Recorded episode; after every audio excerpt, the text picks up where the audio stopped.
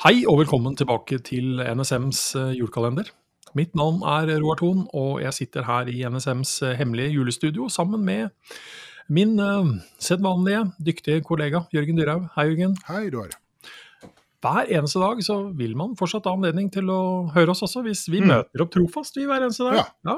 sånn er det. Ingen Bønn. Og det er, for det er jo litt sånn, det er 4. desember, og det er lørdag, Ja, og vi sitter her. vi. vi sitter her. Og det er laugardag, Jørgen. Ja, vaskedagen. Stiller du ren og nyvasket i studio? Jeg gjør det. det er- Slipper ikke unna. Her. Veldig kollegialt av deg. Veldig cool. Det er om å gjøre å opprettholde et godt arbeidsmiljø. Yes. Det er jo et eller annet med å vaske til jul, da. Mm. Og vi skal kanskje ikke ta diskusjonen om hva som virkelig er nødvendig. Her vi sitter to middelaldrende menn. Nei, det Ja. gjør vi lurt i. Ja. Men hva må vaskes for jul? Altså, hva, hva er tradisjonen hos deg eller hjemme hos deg? Nei, si, det er jo sånn julevask. Man, man gjør det jo kanskje litt grundigere. Det er, jo, det er jo liksom følelsen av at alt er tatt. Eh, så har vi eh, Vi har også sølvtøy, som også da skal tas. Huff da. Ja. Ja. den Er du pussa, Jørgen? ja, jeg blir det i hvert fall. Ja. Og det, det, er liksom, det er en oppgave som da er tillagt uh, undertegnede. Ja. eh, Som han jo da med litt sånn delt entusiasme ser frem til, da. Ja, ikke sant? Så um, ja ja. Men sånn er det bare. Sånn er det bare. Ja, en eller annen merkelig grunn, jeg kan ikke fordra sølvtøy. Jeg hater å spise med sølv. Det er et eller annet med Ja. Ja, det ser pent ut, da. Ja, men jeg kan bruke andre Jeg greier å bruke kniv og gaffel, det er ikke det jeg sier. Jeg kan spise pent med kniv og gaffel, men det er et eller annet med meg og dette sølvtøyet Sølvtøy. som ja, Nei. Eh, ja. Uh, det er mulig jeg fortsatt lukter den derre Sølvpussen! lukta. uh, men eh, 3. desember Ja. 4. desember, Roar. Fjerde, unnskyld. Herregud, da tida flyr. Kan hende vi hadde blitt veldig skuffa hvis vi åpna 3. desember-luka vår. Altså. Ja, og tenkt jøss, har det ikke skjedd noe? Det er bra Nei, det er fjerde. Ja, fint. følge med her. Men hva skjedde rundt omkring i verden? Du, vet du hva? Um, 4. desember 1791, Begynner å bli noen år siden. Ja. det begynner også å bli noen år siden, så ser man uh, første utgave av Britain's Observer, som er eh, den eldste søndagsavisen i verden. Ja. Så man har hva skal jeg si, hatt søndagsaviser nå eh, i rimelig lang tid. Det, er jo en, jeg skal ikke si en, en ny oppfinnelse i Norge, men det er jo ikke Vi er i hvert fall ikke tilbake til 1791 med søndagsaviser i Norge. Nei, men der, der har vi også hatt sånne diskusjoner da på, på hva skal være tilgjengelig i, Mhm. til alle døgnets tider Ja. som sådan. Åpningstider og søndagsåpent Ja. og fersk brød på søndag. Og lørdager var Og der man lørdager, starta, for det var heller ikke vanlig da. Nei. Så det, det er mange ting som det har eh, endret seg over tid. Søndagsåpne butikker er jo fortsatt en debatt en- og diskusjon debatt. i. Norge. Og- Men dere, Og jeg, jeg husker jo fra min barndom eh, på Nøtterøy at det var langdag i Tønsberg på torsdager. Da var det liksom, da var det åpent til Kanskje det var åpent til seks. wow. Mens det da i resten av uken, da var det stengt klokken fire. Ja. Så da rakk man jo ingenting.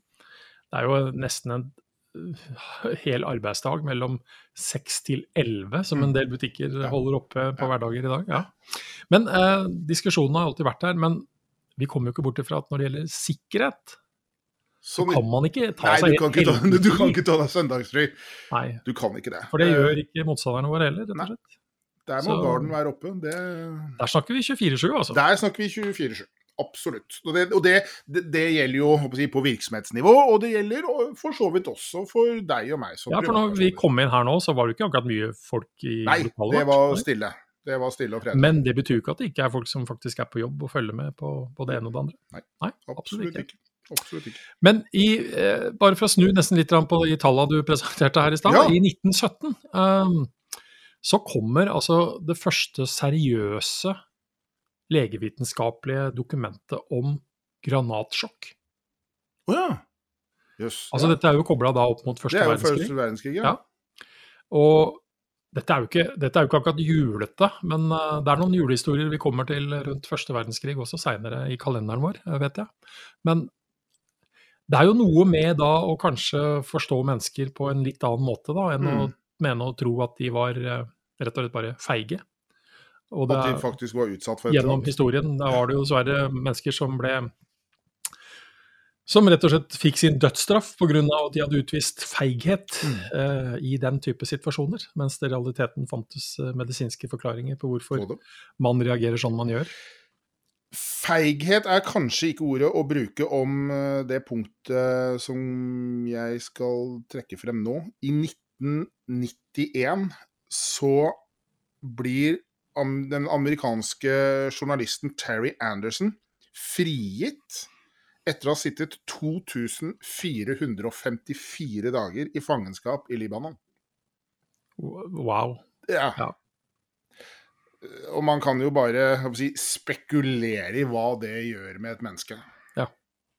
Det, det, det er lang tid. Milde måned.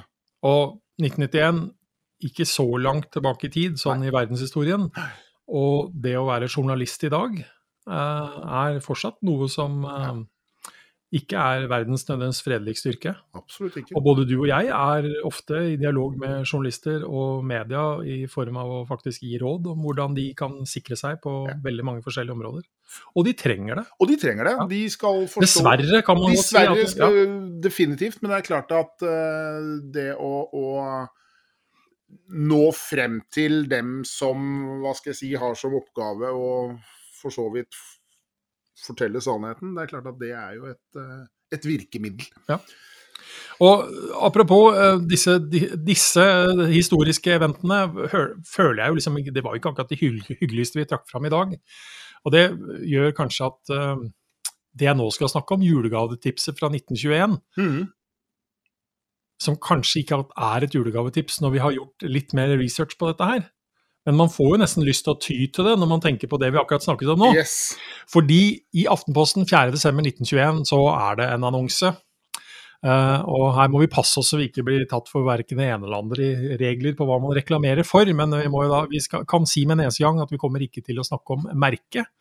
Uh, men denne gamle, velkjente, fine whisky er nå atter kommet og selges på apotekene. Mm. Og så er det altså et bilde av en whiskyflaske. Mm. Men apotekene, Jørgen? Ja, nei, vi er vel Vi er vel på slutten av forbundstiden i Norge. Ja, forbudstiden, ja. forbudstiden. Ja. Eh, og vi er vel kun ett år unna etableringen av Vinmonopolet. Ja, For det kom vel i 1922. Ja. Og ble kalt Vinmonopolet fordi det kun var vin som skulle være tillatt omsatt. Ja, for brennevin var fortsatt forbudt. Yep. Ja. Men, men altså, ok, da må, da må vi jo trekke den slutningen at reklamen her, dette er et legemiddel Dette må være et legemiddel. Ja. Ja. mot julestress. Og, Mot, julestress og juleangst og det ja, nei, uh, ja. Ja, nei, vi- lar den ligge. Vi lar den Eh, ligge. Men det, det er i hvert fall, som vi vel har nevnt i tidligere episoder, det er, det, det er ting å lese i eh, aviser for 100 år siden som du ikke ser i dag. Men jeg mistenker at det hadde vært kø på apoteket hvis prisen på denne flasken med whisky hadde vært den Den samme. samme i dag. Yes, det tror jeg du har helt rett i. Men skal vi åpne luke nummer fire? Vi skal åpne luke nummer eh, fire. Et lite øyeblikk, så skal jeg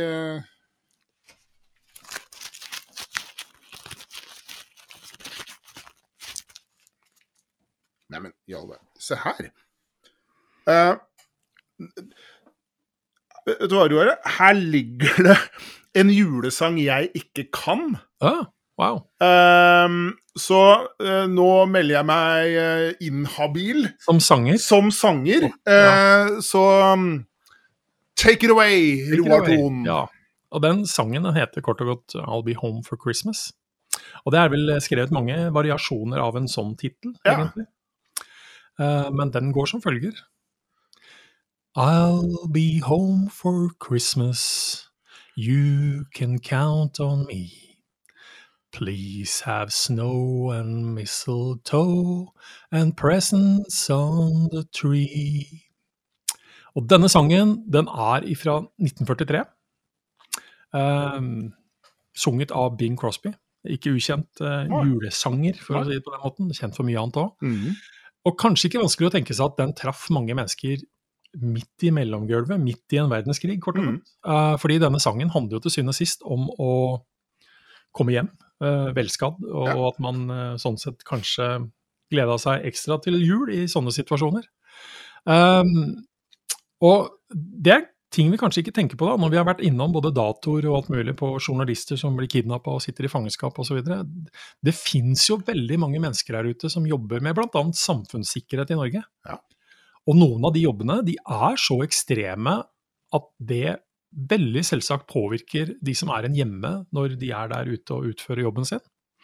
Uh, og sangen er jo rett og slett at man man forstår at det er en følelsesmessig rød tråd mellom de som er der ute og de som sitter igjen hjemme. Mm. Um, så kanskje ikke overraskende at denne sangen ble veldig populær i uh, 1943 også, og sånn sett står på repertoaret til veldig mange juleplater, uh, i hvert fall i amerikansk forstand, mm. som sådan. Så det var min lille Det var din jule, lille julesang. Jeg skal ja. gå hjem og øve jeg nå, kjenner jeg. Uh, slik at man er litt mer oppe og nikker på amerikanske julesanger. Ja.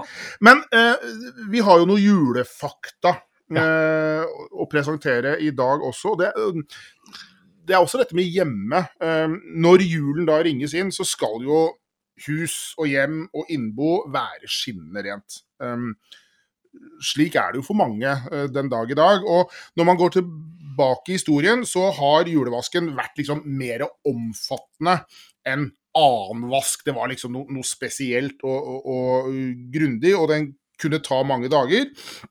Og startet tidlig julaften og varte helt frem til den ble avsluttet med julebad. Tak, vegger, innbo ble vasket. Jeg håper jo at du egentlig starta før julaften, da. Men, som, okay, ja, men ja, eh, hvis det tok mange dager med det.